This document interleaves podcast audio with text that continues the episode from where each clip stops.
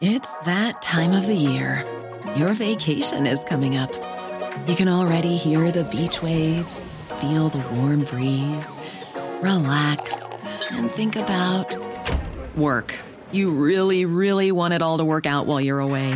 Monday.com gives you and the team that peace of mind. When all work is on one platform and everyone's in sync, things just flow wherever you are. Tap the banner to go to Monday.com.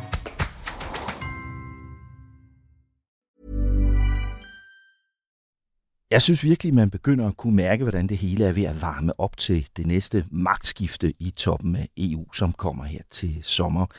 Rikke, tror du, at Ursula von der Leyen får fem år mere som EU-chef? Det tror jeg faktisk, der er en ret god chance for.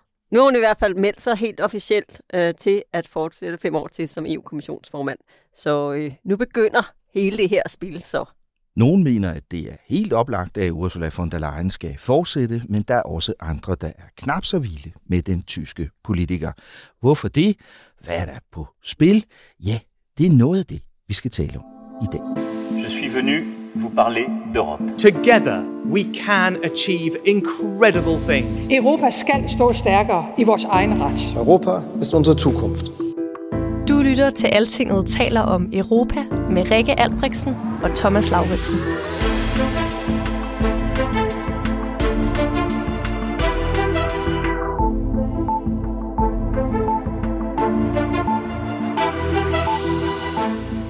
Det tror jeg vil kræve en, en regeringsbeslutning som sådan øh, at sige noget øh, endegyldigt om, men, men, men, øh, men det er jo positivt, at hun har mod på en periode mere, så langt synes jeg, det godt kan gå. Altså, øh, von der Leyen har vist sig at være meget, meget effektiv præsident for EU-kommissionen, så det tror jeg er noget, der sådan umiddelbart øh, vil øh, vække positive følelser i Danmark.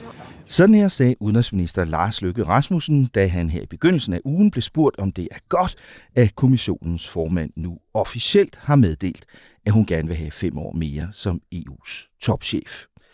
Danmark vil gerne have, at Ursula von der Leyen fortsætter, lyder det til, Rikke? Ja, okay, øh, som Lykke så siger, det, så skal han lige have taget noget, han Mette Frederiksen alene. i Ja. ed, fordi Ja. det er jo lidt mere øh, øh, oppe blandt øh, dem i hendes liga, at sådan nogle beslutninger, de, de skal træffes. Ikke? Men, men jo, hun har da øh, vist en forholdsvis høj stjerne, også, også i Danmark. Det har hun også hos de fleste andre regeringer. Men det er jo bare ikke det eneste, fordi det her det er bare lidt mere kompliceret. Det er et stort puslespil, der skal lægges, og alle brækkerne passer bare ikke helt perfekt øh, sammen, så derfor er der nogle, nogle ting, der lige sådan skal files af, inden øh, at man kan konkludere noget som helst i den her retning. Hvorfor er det egentlig, at Ursula von der Leyen annoncerer det her lige nu? Jamen, det handler jo om, at de europæiske partifamilier, det vil sige, hvad kan man sige, paraplyorganisationerne for, øh, for alle de konservative, alle de socialdemokratiske øh, partier, alle de liberale partier osv., de øh, stiller med officielle kandidater til posten. Eller i hvert fald nogen af dem gør. Og for Ursula von der Leyens egen konservative familie, EPP, øh, der var der simpelthen sat en deadline onsdag for at øh, melde ud, om man vil være med. Øh, og det, det er sådan derfor, at hun så blev nødt til at træde ud af busken ja. på det her tidspunkt. Ja. Øh, Det, der så skal ske for, at hun ligesom formelt kan blive kandidat for den konservative partisammenslutning i Europa, EPP, det er, at hun skal have støtte fra, fra to andre konservative ledere øh, ud over øh, sit eget land. Øh, og der sagde øh, gruppeformanden for EPP i Europaparlamentet, han sagde her onsdag, han hedder Manfred Weber, han er også tysker, han sagde her onsdag, at, øh, at hun allerede har støtte fra lederne af Polen og Grækenland også, så den, den skulle ligesom være hjemme. Og så er næste skridt EPP's kongres i Bukarest, øh, det er om to uger, torsdag den 7. marts, hvor hun så formelt skal udpeges som de konservatives øh, kandidat i Europa. Men det er jo nærmest bare en kroning, Rikke, er det ikke det? Jo, det er det, fordi der er nemlig ikke andre konservative kandidater, der har meldt sig inden den her deadline onsdag. Og det er faktisk lidt interessant, fordi det er tredje gang, at man gør det på den her måde. Men første gang, at øh, partierne begyndte at stille med sådan nogle mulige kandidater til EU-kommissionsformandsposten, det var tilbage i, i 2014, hvor øh, det jo var Jean-Claude Juncker, gode gamle, som Ja. øh, var oppe imod faktisk Michel Barnier, som senere blev kendt som Brexit-forhandleren over dem alle, og så også øh, Valdis Dombrovskis, som jo i dag er øh, en af hendes øh, executive vice president sammen med Margrethe Vestager over i kommissionen. Ja. Og der havde de sådan en, øh, altså der havde de sådan en, et kampvalg, ikke? Og så øh, i 2019 var det Manfred Weber, som du lige snakkede om, ja. som øh, var oppe mod Alexander Stubb, der jo lige er blevet øh, den nye præsident i Finland.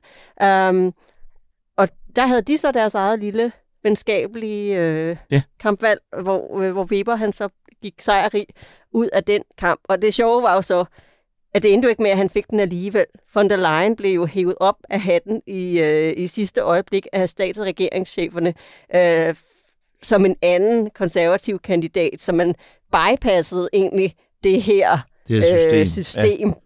som partierne i Europa prøver på at, øh, at stille op. Og det viser bare også noget om, at det er lidt en, altså sådan en, en skueforestilling, som øh, øh, de, de prøver på at lade som om, at det her er sådan en slags præsidentvalg ja, ja. mellem de politiske grupper, øh, og at nu stiller partierne med forskellige kandidater, og så kan mm. europæerne på en eller anden måde få lov til at være med øh, til at bestemme, hvem det er, der skal, øh, der skal ende mm. i toppen af EU-kommissionen. Men, men når, altså, det er bare ikke givet, at det er den person, øh, det ender med. Og, og, men det, man kan sige i den her omgang, det er, at det er også ret tydeligt, at mange, også i de andre partier, regner med, at von der Leyen får den, for de har ikke øh, engang sådan rigtig orket stille med nogle modkandidater, der, øh, der vil kunne give hende ordentlig kamp til stregen. Der, der er nogen på vej, men det bliver jo ikke nogen i samme vægtklasse som, øh, som hende.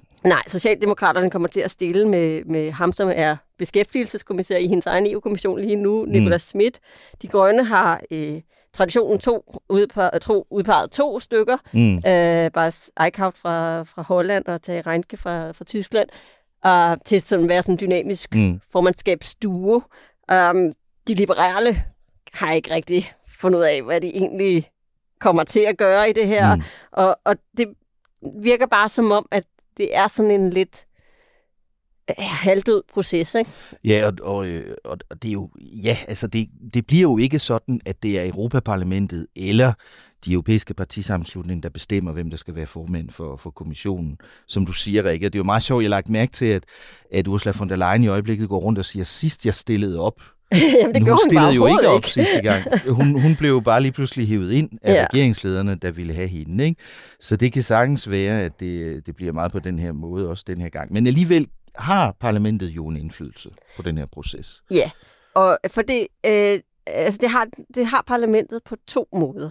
Øh, den ene måde er, at der står i EU-traktaterne, at når stats- og regeringscheferne de skal udpege EU-kommissionsformanden, så skal det ske med øh, en mente af, hvad der har været, altså hvordan det gik i Europaparlamentsvalget. Altså, de skal ligesom lige tage, de skal tage, øh, tage stilling til resultatet på den ene eller anden måde. Altså, så det, og det er der nogen, der tolker som, at om så handler det om, at den, øh, den gruppe, som fik flest parlamentarikere mm. til, øh, til valget, også øh, er dem, der vinder pladsen. Og sådan har der sådan set også været de her sidste par gange, hvor man har haft den her proces, som vi, vi jo i, øh, i, i boblen kalder for spidsen, spidsenkandidatprocessen. Ja. Um, Men der, hvor parlamentet jo har reel indflydelse, det er, at de skal jo altså godkende kommissionsformanden bagefter. Yes, præcis. Det er, når, det, er det andet ben af det, når, når stats- og regeringslederne øh, har udpeget vedkommende. Ikke? Og der bliver sådan en proces fra nu af, der sådan er lidt af, af et hækkeløb. Øh, som sagt, så er der IPP-kongres i Bukarest, og så skal de andre partifamilier ligesom også have udnævnt deres spidskandidater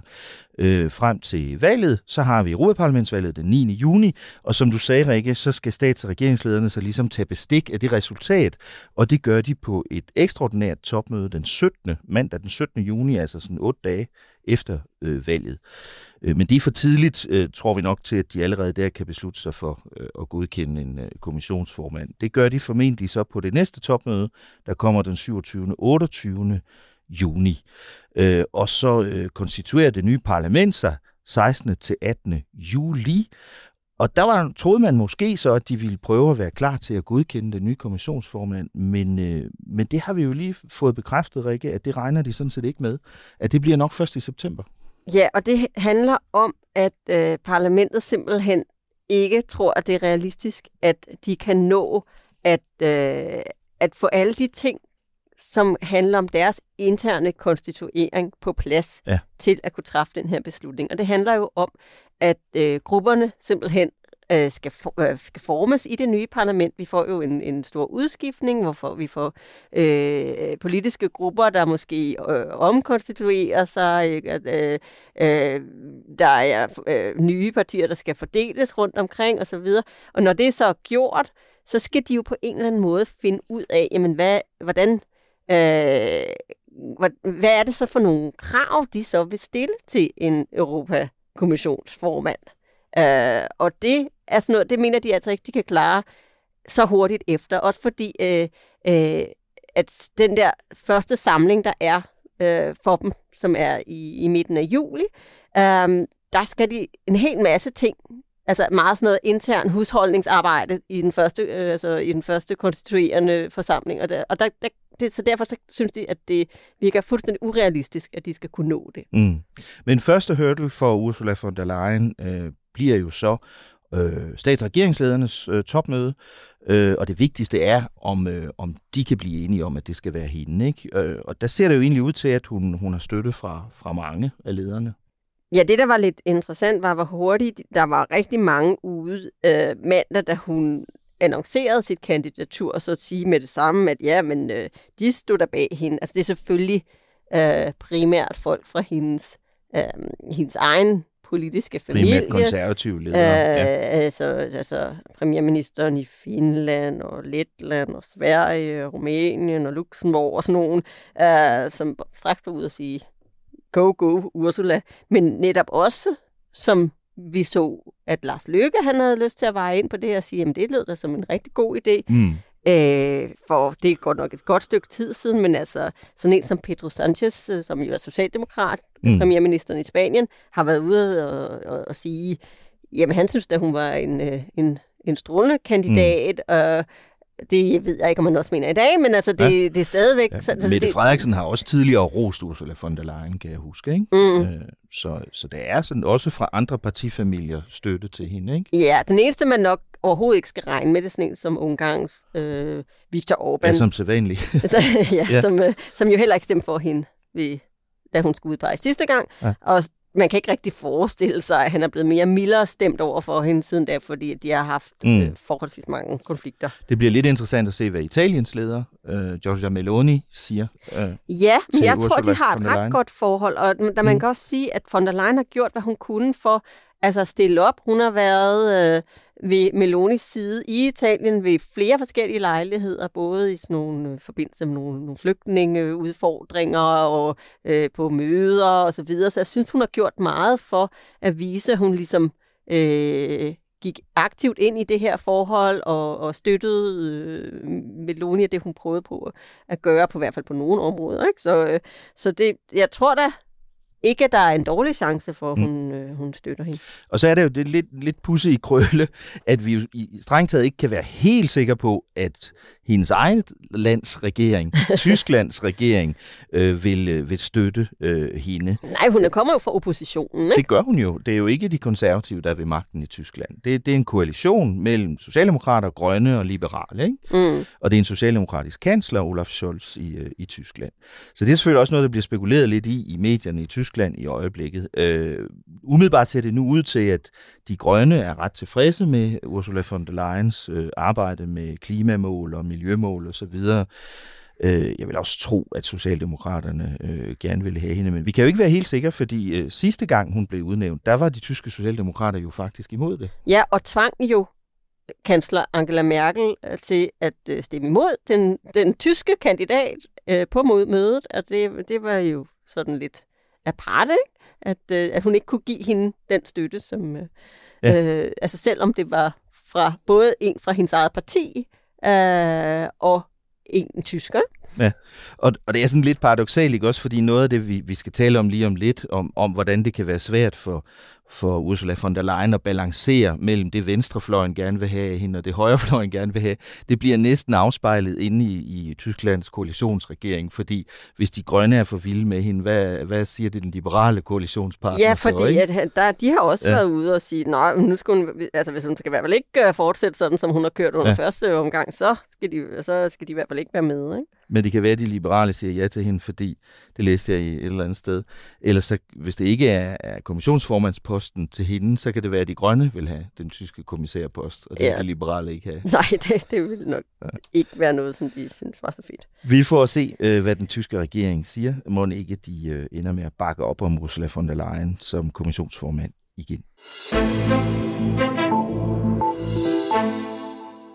Lige inden vi taler videre om Ursula von der Leyen og perspektiverne for den næste EU-kommission, så lad os lige dvæle lidt ved den situation, hvor hun bliver udnævnt til sommer, hvis hun altså bliver det. Der vil jo samtidig skulle udnævnes flere andre topchefer for EU, så også på det tidspunkt. Ja, det er jo øh, den tilbagevendende kabale, hvor man også skal have en udenrigschef og en formand for det europæiske råd, som er der, hvor stats- og regeringscheferne sidder. Øh, Så det øh, er den der afvejning af, har vi øh, lidt fra højre, lidt fra venstre, noget lidt fra nord, lidt fra syd, lidt fra øst, lidt fra vest. Har vi nogle kvinder, har vi nogle mænd osv. Altså, og, Mm. øh, og alt det skal ligesom afspejle og styrke forholdene i Europa. Er der brug for, at man øh, for eksempel fisker en socialdemokrat op af, af hatten til, Mm. øh, hvis nu bliver, det bliver kommissionsformanden, øh, som kommer fra, fra det konservative, skal der så være en, en rød på den post. Også øh, fordi, at det har der faktisk aldrig været. Mm. Øh, den post har egentlig været, den er, først har der bare sådan, altså siddet konservativ nærmest Mm. over det hele, og så i den seneste periode har der så Ja. ja. siddet en liberal, så det vil sige, de har aldrig haft Ej, en det af ville de give der mening, hvis top, de skulle have den. topposter, hvis man kan sige det på den Øh, måde. Og det er der, hvor Mette Frederiksens navn nogle gange bliver nævnt nu. Ikke? Sidste Ja. år var det i forhold til NATO, nu er det i forhold til den post som EU's rådsformand. Yes, og så er der så udenrigschefen, som er lidt mindre fin, men jo også er en del af det her spil. Der er der nogen, der taler om Kaja Kallas, øh, Estlands øh, statsminister, som en mulighed. Ja, altså der er igen, det her er jo Det sådan er snak jo. en Ja. stor, øh, sådan, ja, men altså navnebytte, øh, rygte, børs, ting, som øh, der er, altså det er som om, at alle mennesker, øh, der overhovedet har bestredet et EU, eller et job, hvor, hvor de er i nærheden af, af noget som helst, der har med EU at gøre, bliver nævnt i hele det her øh, rygteshow, ikke? Øh, Og spørgsmålet om, hvem der skal være ny generalsekretær i NATO, spiller selvfølgelig stadigvæk ind i den her diskussion. Øh, som sagt bliver Mette Frederiksen ikke rigtig nævnt mere øh, i den sammenhæng, ikke så meget i hvert fald. Øh, nu synes jeg, det er helt tydeligt, at, at øh, den hollandske regeringsleder, som jo er afgående, Mark Rutte, er top, top favorit til, til det job. Øh, det skal jo afgøres senest på et NATO-topmøde, der ligger i juli, den 9. til 11. juli i Washington. Men det virker som om, at det er lige på trapperne. Ja, det er ikke en beslutning, der jo skal træffes Nej, det kan på et tages. særligt tidspunkt. Ja. Det skal ligesom bare gøres. Ja. Men det er lidt sjovt, fordi altså, Rytte sidder jo øh, fast i, at på en eller anden måde er det svært for ham bare at skride hjemmefra, fordi øh, der var jo valg i, i Holland ja. i november måned, men der er altså ikke kommet nogen regering endnu, og øh, det er lidt spændende at se, hvad der sker, hvis han bare siger, nå, det må I selv ligge og rode med, så bare øh, skrider. Uh, men, men det kan jo Mm. mm. blive nødt til, hvis det er, at øh, han gerne vil have det Der, her der job. foregår i hvert fald diskrete konsultationer ude i NATO mellem de 31 landes delegationer. Øh, jeg har hørt, at, at der mangler en 10 stykker øh, og sige god for, for Rytte, men de er på vej. Og nogle af dem, der mangler, det er selvfølgelig, hvad vil du gætte på, Rikke? Øh, Ungarn og Tyrkiet. Ja, lige præcis. Det er de to, jeg har hørt, øh, der ikke har sagt ja til ham endnu. Øh, men altså, som sagt er Mark Rytte helt klart favorit til NATO-jobbet. Øh, og det, den nyhed kunne godt komme her i hvert fald inden, inden sommeren i løbet af, af foråret. Når det gælder ledelsen af NATO, så betyder det selvfølgelig enormt meget, hvad USA vil, men jobbet som generalsekretær er jo som regel en, en europæer, så derfor er det i høj grad en forhandling mellem de europæiske lande og Tyrkiet. Øh, og derfor har Europa ligesom serveretten på en måde, ikke? Og, og den timing, at det nu sker næsten samtidig med EU-kabalen, det betyder så, at, at øh, den her proces med kommissionsformanden i virkeligheden bliver startskuddet til hele kabalen. Jeg tror, de fleste vil være enige i, at Ursula von der Leyen har været en markant formand for EU-kommissionen. Øh, siden hendes kommission tiltrådte i december 2019, har hun styret unionen gennem den ene historiske krise efter den anden, som hun jo også selv sagde, da hun her forleden dag talte om, at hun gerne vil have et mandat mere. When I ran in 2019, um, I did it because I deeply believed in Europe. There's so much that happened in between. Um, and we went through challenging times. I was not even 100 days in office when WHO declared COVID a pandemic. This was a terrible time at the beginning. We managed to keep our single market functioning. And we came out of this very deep crisis even stronger than we had been at the very beginning. Ja, det kan man jo øvrigt høre, Rikke. Der siger hun, when I ran in 2019. Men hun stillede jo ikke op i 2019, som vi talte om. Hun blev sådan set bare hentet ind. Det er jo ubestrideligt rigtigt, at Ursula von der Leyen har siddet som kommissionsformand i den måske vildeste periode for EU nogensinde. Først en pandemi og en kæmpe økonomisk genopretningsplan for Europa, så en krig i Europa, sanktioner mod Rusland, så den største energikrise i årtier, og nu er der så også lige udbrudt krig mellem Israel og Hamas i Gaza. Det vil selvfølgelig være tunge argumenter, som Ursula von der Leyen selv vil bruge for at sige, at hun skal have fem år mere.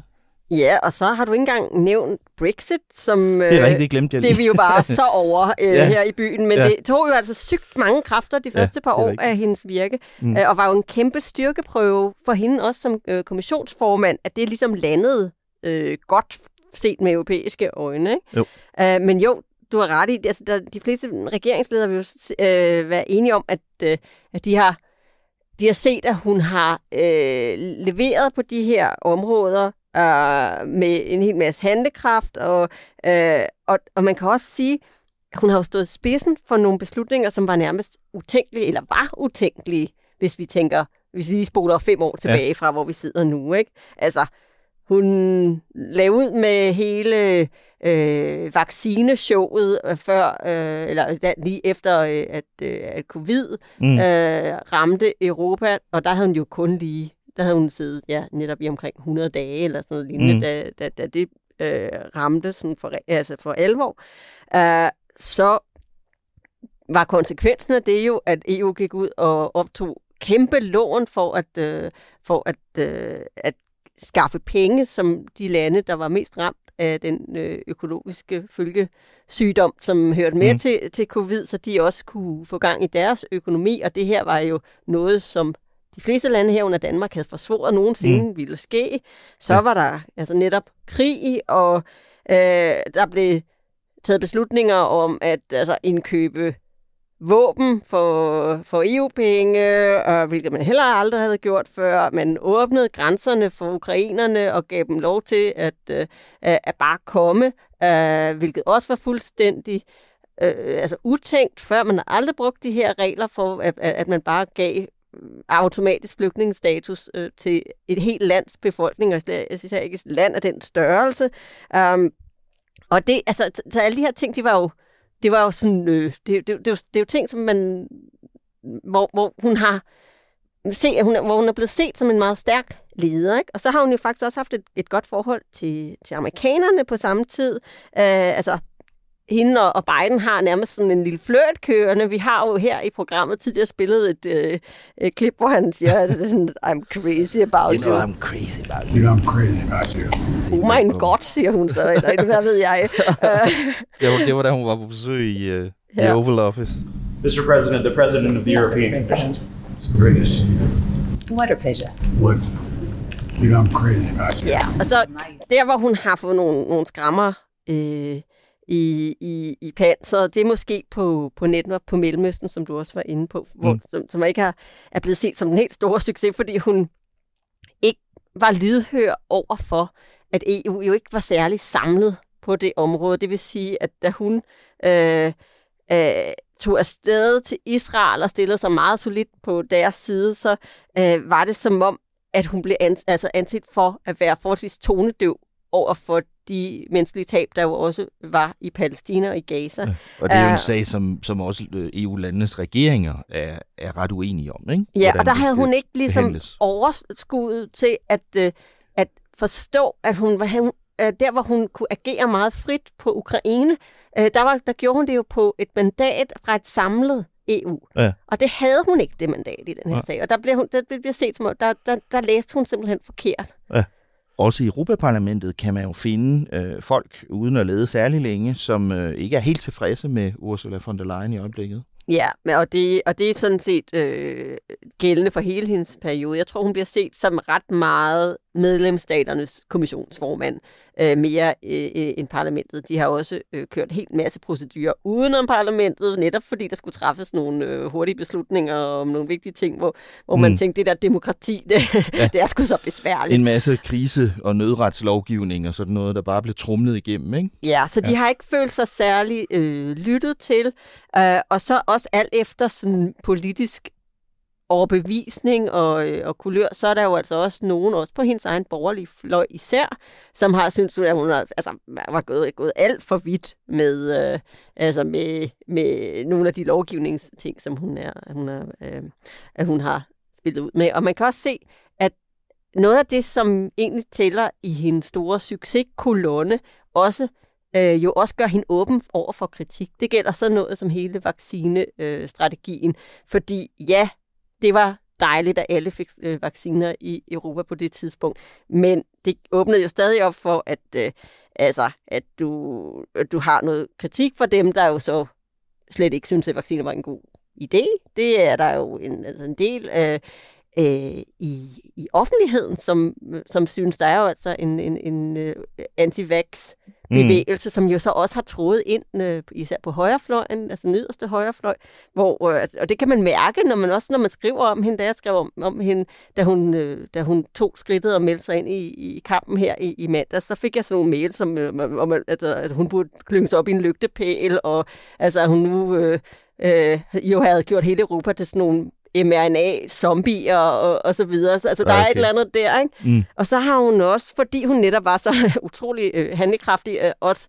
øh, måske lidt for hurtigt til at gå ud og blære sig med, og hun havde da bare øh, ordnet de der vaccineaftaler på sms med, med chefen for Pfizer, og da journalister så bagefter kommer og siger, må vi se de der sms'er, I har øh, altså under sådan nogle offentlighedsregler, kan vi lige få lov til at se, hvad, hvad det er, du lige øh, beslutter på Europas vegne der, så den, om dem øh, har vi lige slettet. Øh. Pfizer, som er den her kæmpe store amerikanske medicinalkoncern, ikke? Ja, som, og som EU jo lavede øh, enormt enorm store aftaler ja. med, og det er så det, det sidste punkt, som hun også hænger på, det er uh, fint og vældigt, men nu, men nu, har, nu har hun ligesom uh, trælbundet os til Pfizer i årene, uh, der kommer også, fordi at, uh, at, at vi, har jo, vi har jo bestilt utrolig mange af de her uh, vacciner, og nu er der ikke så mange, der vil have dem længere, så nu mm, smider vi dem ud uh, i hovedtal, og det er heller ikke noget, som hun nødvendigvis får mega meget ros øh, for, og der er en del lande, som, som synes, at det er meget problematisk, at de nu hænger på regningen for noget, som de ikke bruger. Ja, så det er et område, hvor Ursula von der Leyen øh, kan blive kritiseret. Øh, og, og så det sidste, vi måske skulle nævne der, Rikke, det er jo, øh, som vi har talt om på det seneste, øh, så er et af hendes store flagskibe har været den grønne omstilling, øh, klimamål og miljøbeskyttelse osv., og, og der er også kommet et stort pushback på på det seneste, ikke? og hvor hun også har måttet trække land på nogle ting. Fuldstændig, og det kommer jo fra hendes øh, eget konservative EPP-parti, øh, og så også andre partier endnu længere ud, ud, øh, ud til højre, men de, den er virkelig stærk hos dem, ikke? og det betyder jo, at hun er blevet nødt til at øh, altså helt smide et øh, forslag om at halvere brugen af pesticider i skraldespanden. Øh, hun har udsat en stor reform af hele kemikalielovgivningen, øh, det der hedder REACH. Hun har øh, droppet planer om fødevaremærkning. Hun har droppet nye dyrevelfærdsregler, øh, som skulle altså, handle om blandt andet burhøns og pelsdyr og, og den slags. Uh, og, og det betyder også, at hun øh, Øh, lige har været ude, efter der har været alle de her landbrugsdemonstrationer, og sige, at ah, vi behøver ikke at leve op til de der brak-krav, øh, øh, som, som vi egentlig havde lavet, om at øh, I skal lægge så også meget øh, øh, land. Øh, lad, lad det være uopdyrket. Øh, og vi kommer også for resten til at gå ind og kigge på alle de frygtelige regler, som vi har lavet for jer, og se, hvor vi kan lette for, for, for byrderne.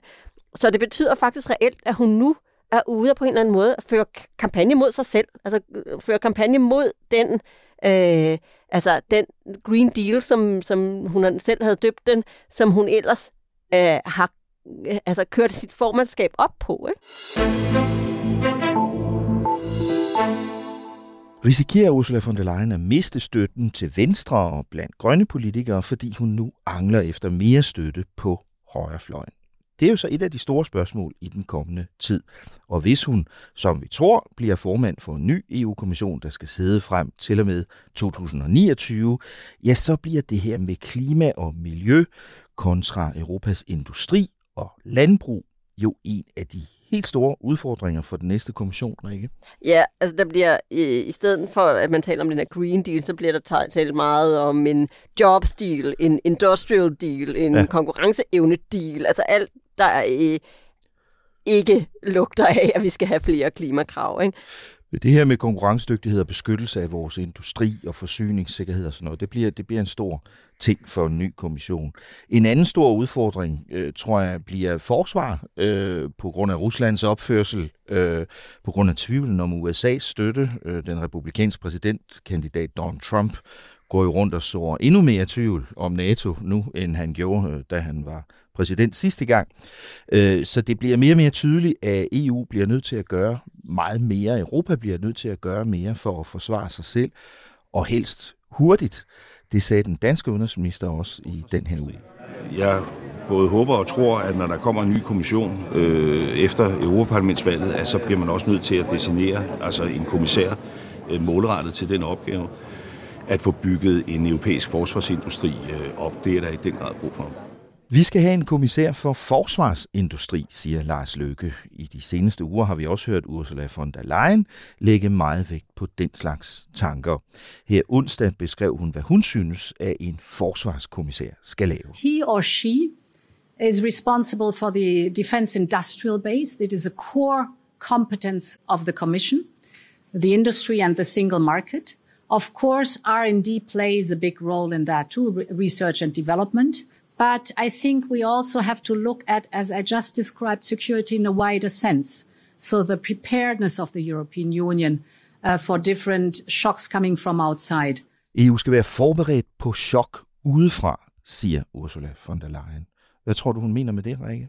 Det taler meget ind i hele den sikkerhedsliggørelse af nærmest alting, Alt øh, som, ja. øh, som, som man hører meget om øh, lige nu. Det handler om øh, altså økonomisk sikkerhed, det handler om beskyttelse af EU mod indflydelse fra Kina, øh, fra, fra Rusland og øh, øh, fra andre steder, og altså mod illoyal konkurrence. Det handler om hele den her made in EU øh, tendens, som vi, som vi har set over øh, det sidste stykke tid, hvor, hvor det handler meget om, okay, hvad, hvad for nogle øh, hvad for nogle industrier bliver vi nødt til at hive hjem for at være sikker på, at vi har ja. en forsyningssikkerhed, der fungerer for os? Hvad, øh, er det ikke bedre, at øh, vi selv har en, øh, en hånd med i, øh, i produktionen af forskellige ting, som vi normalt ville have outsourcet og sådan noget der. Mm. Ikke? Uh, så det spiller bare ind på sådan rigtig mange områder, og så selvfølgelig også på forsvarsområdet, som, mm. som du lige snakkede Men det er sådan sikkerhed og forsvar i en, i en bred forstand. Ikke? Altså den, for lige at gøre det helt klart, altså den egentlige forsvarspolitik er selvfølgelig stadigvæk national, og vil stadigvæk være det, øh, og, og den prim, det primære samarbejde om militær er stadigvæk NATO, så, så længe det var. Øh, ja. øh, lad, lad os se, se hvad, der, hvad der sker. Det er jo ikke engang urealistisk at, at, at stille det spørgsmålstegn i øjeblikket. Det er der også mange europæiske ledere, der gør faktisk. Øh, så det, men det handler jo ikke om, at EU skal overtage NATO's rolle.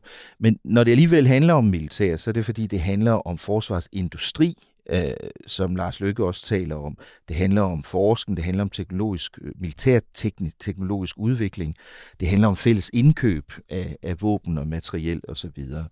Øh, så det er på det område, hvor, hvor der helt klart er optræk til, at kommissionen skal, skal gøre mere, og der måske skal være en særlig kommissær for forsvar i den næste kommission. Ursula von der Leyen, som jo i parentes bemærket, Rikke, er tidligere forsvarsminister ja. i Tyskland. Øh, hun ser altså ud til at varme op til en mere hård og protektionistisk EU-kommission i årene frem til 2029, hvis hun altså bliver formand for kommissionen igen. Lige til sidst, Rikke, hvis hun fortsætter, hvordan bliver så kommissionen von der Leyen 2, tror du? Jeg tror, den bliver anderledes end von der Leyen 1. For det første kunne man jo håbe, men det kan godt være, det er meget naivt, at, at der er ikke sket så mange vilde ting. Altså, øh, fri for pandemi og mere ja, krig, vil jeg bare det. sige. Ja. Men, øh, men lad os nu se. Men altså, mm. hendes første mandat handlede jo rigtig meget om at sætte ting i gang. Hun havde øh, sådan 100, 100 forslag, hun ville, øh, hun ville have igennem. Øh, hun havde sin store Green Deal. Hun havde alle de her forskellige... Øh, øh, ting, hun gerne vil have igennem, stor migrationsplan, ting på sundhedsområdet, vi har aldrig set før, alle mulige ting, som hun har sat i gang. Problemet med det er, at de jo ikke øh, kørt hele vejen igennem, de er i hvert fald ikke ude alle sammen og, og leve og, og være implementeret, og der kan man sige, der vil det andet mandat måske være øh, noget andet, noget, altså det bliver lidt mere et implementerings formandskab, hun skal stå for der, ikke? Eller en, øh, altså, så skal hun vise, at tingene kan fungere. Hun skal nok på en eller anden måde lykkes noget mere med at sidde lidt stille på stolen, og så sørge for at, øh, at øh, også sikre sig, at de ting, der så er kommet igennem lovgivningsmaskineriet, de også kommer ud og leve i landene. Der er helt klart folk, der mener, øh, at hun løber lidt for stærkt nogle gange, ja. Ursula von der Leyen, og det er der også folk internt i hendes eget system, der mener, internt i kommissionen, det hører vi jo altså, når vi taler med folk, at, og det er jo også noget, der kan blive et problem for hende, hvis hun skal tage en periode mere at hele, hvad skal man sige, embedsværket, der arbejder for hende, er, er ikke specielt vild med at arbejde for hende. Nej, hun er jo blevet kendt som altså, topstyrer in chief. Øh, at hun vil træffe rigtig mange øh, beslutninger selv, det vil sige, at hun skaber flaskehalse, hun micromanager, hun informerer ikke nedad i sine systemer. De sidder alle sammen og bliver mega overrasket, hver gang hun hiver et eller andet øh, op af lommen, som hun selv lige har besluttet sammen med sin nærmeste inderkreds. Og det er jo ikke en måde at få et stort system som, som EU-kommissionen til at køre på en, på, en, øh, på en fornuftig måde, fordi hun har jo brug for øh, den viden, der ligger ude i hendes tjenestegrene. Hun har brug for at blive understøttet af sit, af sit system, og hun har brug for ikke at stille mm. sig i vejen for det. Ja. Øh, og der tror jeg, at hun på en eller anden måde skal finde ud af, hvordan hun kan tøjle sin, øh, altså, sin handlingsiver, øh, og sørge for på en eller anden måde at blive mere integreret med sin egen tjenestegrene. Ja, og også fordi jo længere tid det foregår på den måde, jo mere vil utilfredsheden jo øh, vokse ja. og ende med at komme til udtryk ikke? og boble over på et eller andet tidspunkt. Så det bliver et af de problemer, som Ursula von der Leyen skal have styr på, hvis hun øh, får fem år mere som kommissionsformand. Nu er kapløbet om EU's topposter i hvert fald skudt i gang. Både kommissionsformanden og de andre europæiske topposter. Vi får se, om vores egen statsminister bliver en del af det kapløb undervejs i de kommende måneder. Tak for i dag, Rikke. Selv tak. Tak fordi du lyttede med på Altingets Europa-podcast i den her uge. Mit navn er Thomas Lauritsen. Jeg havde EU-redaktør Rikke Albrechtsen med i studiet, og det var Clara Vestergaard Lausen, der redigerede. Vi er tilbage næste uge med en ny podcast om, hvad der rører sig i EU og i europæisk politik, og hvad det betyder for os i Danmark. Mens du venter på det, kan du som sædvanlig læse meget mere om EU på altinget.dk. Tak for i dag. Lyt med igen næste uge, lige her, hvor Altinget taler om Europa.